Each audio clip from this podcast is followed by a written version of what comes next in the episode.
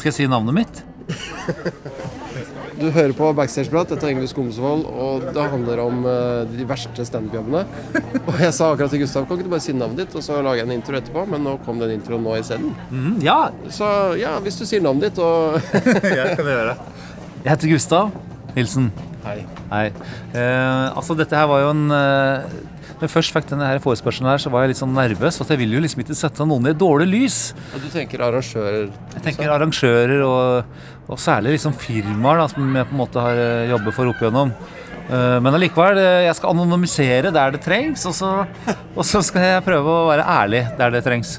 Men jeg har jo nå sikkert gjort 2000 jobber. Eh, såpass, ja. Over hvor lang tid da? Jeg begynte jo eh, for 18 år siden, og så fra liksom de siste 16 åra, 16 åra, så har jeg gjort veldig mye jobber. Uh, har selvfølgelig spilt mange forestillinger, liksom. Men, men uh, veldig. Teller du nå med Urbane Totninger i sommershowet i disse 2000 Ja, nå er det helt rå skryting. Da bare tar jeg alt rubbel og bit. Men altså, en ting som jeg legger merke til, er jo at jeg har blitt flinkere til å velge jobber. Eh, Før så var det sånn at med en gang noen ringte Vi er 100 rørleggere som skal ha nachspiel på smuget. Tenkte det kunne vært gøy med litt standup sånn i ett-draget. Eh, Det er topp, det er alltid god stemning på julebordet. Før så sa jeg at ja, ja, jeg kommer. Men på et eller annet tidspunkt så skjønte jeg eh, Prøv Ørjan Burøe. Jeg tenkte han kunne klare det, da. Det var kompliment. Det var sånn jeg mente. Men, men at jeg skjønte fort liksom dette, eh, dette er en eh, gjeng som jeg tror jeg fikser, og dette er en gjeng jeg ikke tror jeg fikser. Ja, ja. Selvinnsikt kommer jo alltid godt med. Sjølinnsikt kommer jo etter hvert. sammenhenger. Men så til sakens eh, kjerne. ja, ja, ja. Eh, Det er jo mange måter eh, jeg har opplevd å eh, Altså ikke, ikke treffe planken helt. Og det kan være småting som eh, avgjør det.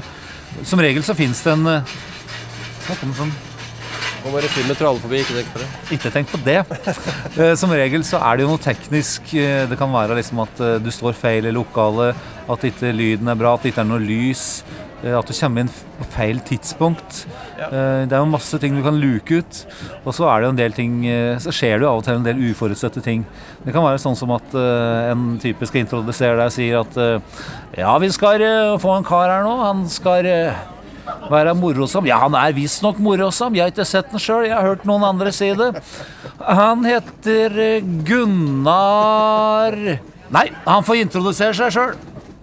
Og når du da kommer opp på scenen og må stå i et mørkt, eh, en mørk garasje, og eneste lyset er lyset fra overheaden med forrige plansje, så det på en måte halve ansiktet er dekt av noen sånne bilder med noen boliger og noe sånt noe. Det er liksom ikke det beste utgangspunktet for å gjøre Nei, rent bord. Null drahjelp fra eh, konferansieren, holdt jeg på å si. Ja. Men du hadde en historie til, eller? Jeg har jo egentlig mange. Jeg husker jo særlig i begynnelsen så var den jo så eh, Hva skal jeg si for noe? Eh, når han- han var så naken på jobb. Hadde, hadde så lite erfaring. Jeg visste så dårlig hvordan jeg skulle håndtere ting. Og jeg har aldri vært en sånn type som, som på en måte hekler folk. Som ganske slenger eh, Ja, som- meldinger til publikum? ja, sånn som hvis noen roper ting til deg, liksom. Jeg husker eh, alltid, Det var alltid dumt når jeg f.eks. gjorde noe Morten Harket tidlig i karrieren, og folk ropte 'Å, Kristian Valen!' Hva sier du da? Det er jeg på en måte Nei, Morten Harket. Hva sier du? Det er så vanskelig. Eh, Men, eh, men den rareste formen for hekling jeg var utsatt for en gang, eh, det må jeg bare si, det var jeg på Tine. eh, På Fabrikkendoms oppå er det sånn type kjeller eller noe oppi der en stand? Eller Alnabru. Alnabru. Og da var det altså Jeg tror det var en stand mellom 800 og 1000 stykker gutta på gulvet som skulle underholdes. Eh, Jeg kom da inn i noe som for meg virket som en enorm hall. Det var på en størrelse med liksom I huet mitt så er det jo på størrelsen med Valhall, men det er vel antagelig mer en vanlig fotballbane. Sånn innendørs fotballbane. Ja. Gymsal. Eh, Det var ikke noe Det var ikke noe scene. Det var på en måte helt flatt gulv. Og jeg begynner med vitsa mine, og det går litt trått. Ganske fort så reiser det seg en type, og jeg husker så godt det ser ut. Han, eh, han var eh, veldig høy og, lang. Eh, afrikansk opprinnelse, tror jeg. Um, uten at det har noe å si for den historien her, annet enn å gi et bilde åssen det kunne ha sett ut ved sida av meg. Han uh, går da helt opp på scenen til meg og steller seg liksom helt innved meg. Uh, ved sida av meg. Og folk flirer. Plutselig begynner folk å flire. Og jeg liksom Ja, skal du stå der? Og, og han sier ingenting. Og bare står der og smiler og nikker på huet og sier ingenting. Ja, det er på grensa til truende, det. det er. Nei, nei, han, var, nei, men han, nei, han føltes ikke truende. Det var bare rart. Eh, Men publikum flirte. Og jeg på et, et eller annet tidspunkt liksom Ja, du skal bare stå der. Så jeg var litt sånn tidlig i karrieren, dette her, så jeg bare valgte å kjøre showet mitt mens han sto 40 cm unna meg hele showet. Og du, du ignorerte han på en måte, da? Ja, jeg bare prøvde å kjøre mine ting. Men han sto der hele tida ut. eh, Men etter det så var det en veldig god respons, da. Så på mange måter så hjalp han meg vel litt. Ja. Men sto, sto han og flirte? Ledde han seg inn i ting, eller vet du ikke? Nei, Saken er at jeg tror kanskje ikke han skjønte Det, det er mulig at dette er fordommer her. Språklige Eh, språk- problemer. Ja, jeg lurer på om det var det. For jeg ja. Men kanskje det er vanlig i noen deler av verden å stå ved siden av artisten? Så, men, men igjen, altså, dette med språkbarriere er jo noe jeg har opplevd flere ganger. Jeg husker en gang vi, Paul og jeg hadde, Paul Håvard Østby hadde show i Hopes på Julelatter der. Så var det veldig god stemning. Vi hadde jo spilt sikkert 30-40 show da dette her skjedde. Plutselig en dag var det helt stille. Det satt altså 100 stykker på i nederste salen på den lille scenen der vi spilte. Eh, og, og ingen flirte. Satt med armene i kors. Og det var liksom sånne staute arbeidskarer. Eh, Seinere fikk vi vite at det var et eh, norsk entreprenørfirma som hadde hatt julebord, og at 90% av dem eh, som var i salen, var polakker. Så snakk om god booking fra firmaets side, altså. Men ja, jeg Merkelig at du ikke tenkte på det. eh, vil ikke bringe meg på en annen historie ja, ja, eh, som det, Noe om dette her å bli Altså misforstått eller ikke forstått. Eh, Jeg gjorde en jobb i et lagerlokale på Toten, altså et firma. Det var topp stemning, alt var godt. Eh, Jeg sto på en scene der, og det var ganske god og høy stemning utover kvelden. Jeg var konferansier. Og litt utpå kvelden, plutselig så er det en type som bare liksom bråreiser seg så stolen detter og, og går mot scenen. Sånn der bestemt liksom Nå skal han ta meg. Du, tør, du kan for faen ikke det å kalle nordlendinger for hora! Og alle som har sett meg gjøre standup, vet at det ikke er helt min stil å kalle nordlendinger for horer. Okay. Ja, han har bare fått en idé om at jeg hadde gjort det. da Sånn plutselig. Du har hørt feil? Jeg har hørt feil eller tenkt feil eller noe sånt noe. Og kommer da opp på scenen for å banke meg. Og jeg måtte bare hoppe ned av scenen og flyge. Mista ansikt fullstendig. Uh, og det kom da noen, et par stykker og henta ned fra scenen og fikk satt den ned igjen. Og sånn. Eh, og etter fem minutter da, så skal jeg opp igjen. Men etter å liksom måtte flyge fra scenen eh, for å unngå bank, så mister han jo all autoritet. Helt håpløst resten av eh, kvelden. Det var Ja. Så du fikk ikke prata med han heller? Fikk ikke oppklart dette her? Jeg fikk ikke oppklart dette der. Men jeg fikk ikke høre etterpå. Nei, han er jo en sånn type som pleier å drikke litt, da. Ja, Ja, ja. Så det er jo av og til noe sånt. Men, men altså ja, Det er jo Opp igjennom så er det jo hundrevis av episoder hvor ting ikke gikk Hvor du ikke treffer planken helt. Eh, og ja, som jeg sa innledningsvis her, så pleier jeg å jeg blitt god til å finne ting å unnskylde med meg. At det er feil lokale, at det er feil litt av hvert. Men, eh, men eh, en gang for et par år siden skjedde det noe som Ja. Ti minutter til showet starter. Ja, men Det er bar på galleriet. Men det som skjedde for eh, Det skjedde noe spesielt for et par år siden. Jeg skulle gjøre en kjempestor jobb. Eh, Være et innslag, et av mange innslag, i operaen. Det var en sånn voldsomt Det var noen firma som eh, skulle feire seg sjøl. Hadde leid hele operaen. Fått med litt sånn Jeg tror det var liksom 12-13 manns orkester. Eh, Røys med den største norske artisten som var. Eh, det var liksom tale fra Erna Solberg på skjerm. og på dette her, og det ble i forkant, eh, så ble jeg spurt om å gjøre noe som var litt spesielt. Det var første gang vi spurte om det. Jeg har blitt spurt om å synge en sang av By og Rønning, for de hadde gitt seg. Eh, Dette var liksom et banktema på dette her, og jeg skulle synge renter. Uh, Som på en måte Renter som kommer, og renter som går. Det er spesielt måte, å kjøre cover av en annen komiker på firmajobb. Ja, men dette her var klarert, og så Bjørn Rønning eller Jon Niklas skulle få penger for det alt sånn, da. Så det var på en måte Anders Bye fikk ikke noe. Nei, det, var, nei, det kan jeg ikke tenke meg. nei, men, men, eh, men Og det ble jo selvfølgelig i forkant stressa veldig av dette produksjonsselskapet som skulle gjøre denne jobben. Dette var stor prestisjejobb. Dette måtte jeg kunne. Denne sangen, den måtte jeg kunne bra. Ja. Det var det ikke noe tvil om. Uh, og jeg hadde lært meg på gitar, så jeg tenkte det kult å stå og spille gitar og synge samtidig. Og så fikk jeg høre nei, nei, må ikke spille gitar, du må, for du må ha helt rent og fint. Du skal bare stå der i dressen din, du skal kunne liksom henvende til publikum. Du må ha henda fri. Du må ikke være noe Ja, bare lær deg teksta og låta, du.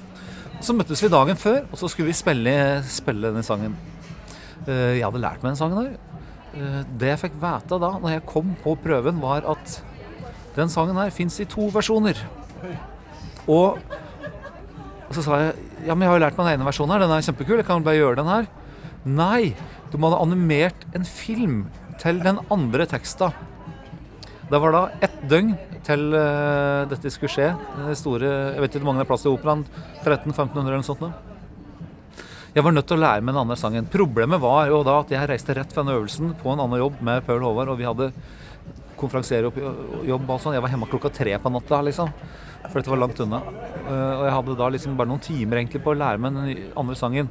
Men det hovedproblemet her var jo det at, eh, at noen linjer var like, men de var flytt mange plasser rundt i sangen, og noen linjer var gjort om litt på. Så liksom og, og noe av problemet med sangen var at det var liksom ingen sånn Det førte til melodien helt. Det var sånn at det, Fordi at du skal av og til begynne på Må legge til et par ord før du Før liksom den ordentlige melodilinja og sånn. Så det, er, det var ikke sånn at du hadde tid til å liksom tenke mellom uh, hver linje. Skjønner du hva jeg mener, liksom? Um, og da skjønte jeg da, når vi gjorde prøver før på dagen, at dette dette klarer jeg ikke, rett og slett. Og de timene da, fra jeg liksom på en måte eh, drev og pugga på den teksta, fram til jeg sto på scenen der og faktisk ikke klarte å synge helt ordentlig, det var helt jævlig. Og det, dette er sånn jeg plutselig nå, midt på natta, nå to år etterpå, kan våkne opp og bare Å nei! Det halta seg i mål, liksom. Men, det, men jeg vil ikke levere noe halvveis. Det var bare fryktelig ubehagelig. Så var responsen. Responsen var jo De klappa jo høflig. Det var jo masse snille, fine folk i salen som ville meg vel. Men øh, det er fortsatt en mareritt som rir meg. Men det var liksom uflaks fra alle kanter der, føltes det som. Ja, det var det jo. Helt åpenbart. Det var noen historier fra dette her harde livet som komiker. Eh, vi er vel egentlig ganske privilegerte, egentlig, så jeg fikk jo penga mine og alt det, men, eh, Hvor mye penger var det? ja, men nå må vi gå! Ja, ok, ok, greit. Timing. Du, har du lyst til å ta et bilde av oss? Ja. Fordi det er sånn fint til promo, vet du. Men var det noe sånt du var på jakt etter, eller? ja, perfekt. Det var bedre enn det jeg var på jakt etter. Jeg vet ikke hva jeg var på jakt etter. men- ta et nytt bilde, vær så snill? Var det ordentlig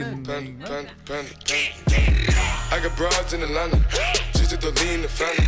Credit cards and the scammers, hitting the licks in the van.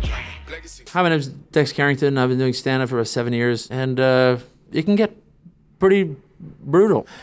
So before I became a comedian, I uh, was a person who, uh, you know, unbeknownst uh, to me at the time, was actually creating a whole bunch of weird story material that would prove to be stage material later on. And uh, by doing so, uh, I would have a standard issue encounter right here in Mexico, as an example. Seven days with a couple of friends of mine. So what happens is we go down to Mexico, and then uh, I took a couple of, you know, uh, Valium on the plane, and obviously we go down there and drink our body weight as we eat some pancakes. Now, by the end of it, I'm standing on top of the bar naked, and I'm like, like kicking like fucking glasses into the bartender's face. So they go, "You have to get out of here." But I'm thinking, "Yeah, but it's all inclusive, and I'm all in there." It's like, "Yeah, but, uh, but you can't." Anyway, so I go out of the hotel, and then I sit there on the street until I get sober. But I bought two cases of beer and a whole bunch of tortillas, and then I found a gay guy, and me and him started smoking weed. So anyway, I sold him a bunch of weed. I went back to the hotel, pretended I was fine, but I was totally fucked up at this point. I go into the room, I roll it up, and I start smoking inside the room. Then the cops show up, and then they go, "Not cool. If you do this again, you're going to fuck you in the ass prison in Mexico. Trust us, it's not a good idea." Anyways, I was like, "Yeah, that sounds pretty good." So I'll stop hanging out with the gay guy, stop smoking the weed, and everything should be fine in uh, no time whatsoever. Anyway, so by 6 p.m., I'm so wasted that I'm literally uh, imagine this. Imagine an all-inclusive hotel where every single window is pointing toward the pool. There are 70 to 90 percent families there. There are seven year olds looking out of these windows as I am banging a chick on the freaking bar in the pool at like 6 p.m. And they're all screaming at me like, stop it, stop it. But at the same time, they're too fascinated to actually do anything. They're just like, stop it, maybe maybe uh, stop it. Ah, stop it a little. You know what I mean? They had no idea what to do because I'm like, yeah. Anyway, so then I realized, oh shit, what am I doing? I need to get a condom. So anyway, I go, go up to your room. I'll come to your room. I'll go get a condom. I go into my room. My two other friends are living with me. I go through all their luggage. I'm ripping everything apart. I throw everything all over the room. I'm throwing things in every direction. And then finally, I find condoms. I run up there. I have sex with a girl, and then I go out. Now I leave my clothes in there because I don't give a shit. Now I'm naked, and so I uh, start walking down the hallway, and then I get back into the room, and there are, as I'm smoking a joint, naked, the cops, because my friends thought they'd been robbed.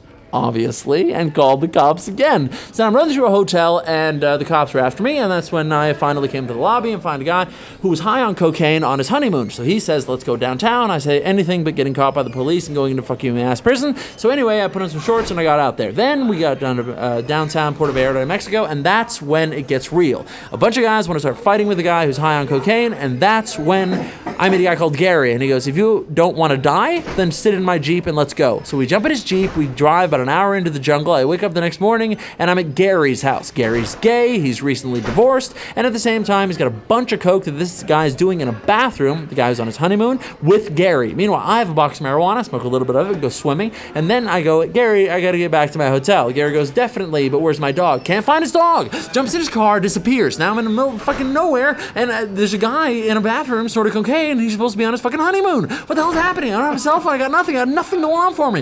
Everything's shit. 6 p.m. This guy comes back. He's like, listen, I still haven't found my dog, so I'm gonna get a soda and go back out there. I'm like, oh yeah, that sounds great. I run out there, steal his jeep, steal his jeep, drive down to mid Puerto Vallarta, ditch his jeep, then get a taxi, go back to the hotel, and that's where I meet my friends who are highly disappointed because they've been to a bunch of prisons all day.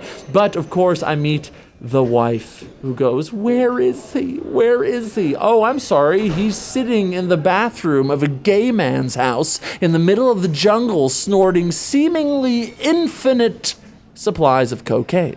That's not a cool message to deliver. Also, my friends were not happy. So the next day at the beach, we get a henna tattoo. It's one of those tattoos that lasts about three weeks. And then suddenly, at the end of the tattoo, I decided to get a mermaid on my back. That was kind of funny. At the end of the tattoo, it just, ah, it's a little bit more sticky than normal.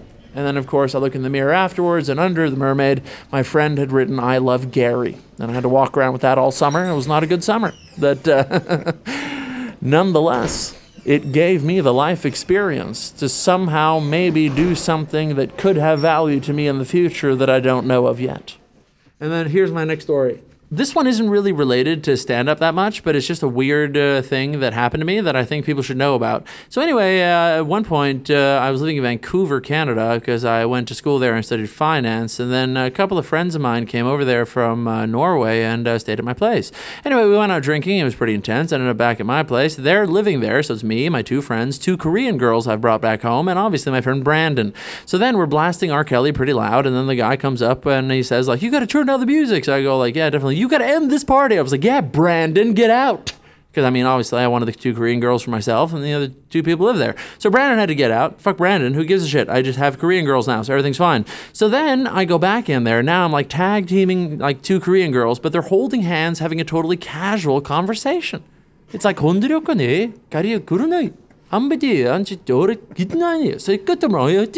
it's weird. It's like, yeah, I bought a pencil today. No way. Did it work well? Yeah, it worked pretty well. It was cool. Did you buy like milk at the store? Yeah, I bought milk at the store. It was fucked up. I'm like there, like in a sexual mode, like, yeah, like doing it. I'm a sexual panther. They're both like, are you going it? Okay, okay, fucked up. I had no idea what was happening. I mean, uh, the only thing the situation was missing was dim sum. Anyway, so uh, in the middle of this uh, threesome, uh, I get up. I've taken a whole bunch of Viagra. I have a boner, and there's a knock at the door again. I was like, what the fuck is this shit? It's three in the morning. People need to calm down. Anyway, I lit up a joint, and then I opened the door. There's two police officers and the guy who owns the building. I'm standing there with a boner, holding a joint.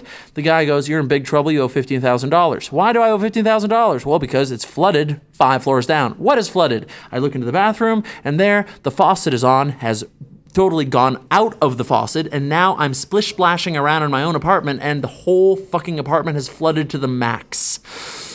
So anyway, he goes, "You need to end this party." I was like, "Yeah, totally, I'm gonna end this party." There's two Korean chicks like looking at the fucking police, and the police are looking at me with a boner, smoking a joint, and I was like, uh, "What? Uh, what uh, is uh, is a problem?" I can't really, uh, why guy uh, here so late. And that's another thing. Like the like the cops there were pretty damn cool. Because another time we were in uh, Victoria Island and we found 100 kilos of marijuana. Then we brought it back to our house and we hung it up to dry. And these buds were pretty big. Like they're solid, like your forearm. You know what I mean? Huge buds of marijuana. So we hang them all, all, all over the entire house. There's tons. There's like so many buds. Anyway, so you got 100 kilos of marijuana hanging in a house, which is pretty much like federal penalty. Fuck you in the ass prison. Excuse me, where did you find it? Oh, oh, oh! Uh, it was growing uh, in a patch uh, outside of uh, uh, outside of uh, Lake Victoria, I guess it was called something like that. And then it was just in the forest, like somebody just planted a bunch of hemp. Anyway, so the point is this: we get back, we smoke it, it's terrible. So I was like, "Fuck this shit, let's make brownies." So anyway, we thought it was so not strong at all. So we take like six buds, which is like literally like 80 grams of marijuana, and blend it with like six kilos of butter, thinking like it's so weak, we totally need to go crazy on this.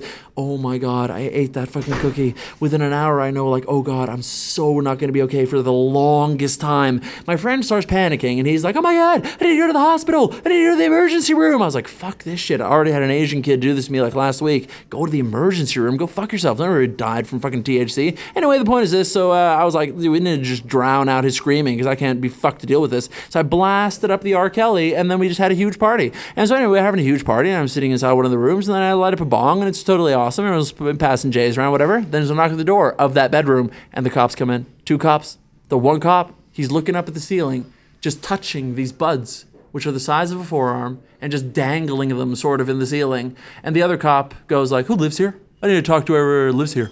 And the other guy goes out and he goes like, "Listen, you need to keep the music down, okay? It's a little bit loud music. Some of the neighbors might think that's not okay. Okay? You guys have a safe night, okay?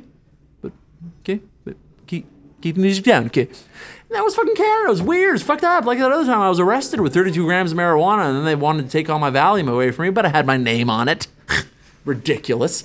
Anyway, so it's just kind of like that, but it's just better because they're cool down there. So Vancouver's pretty cool, I guess.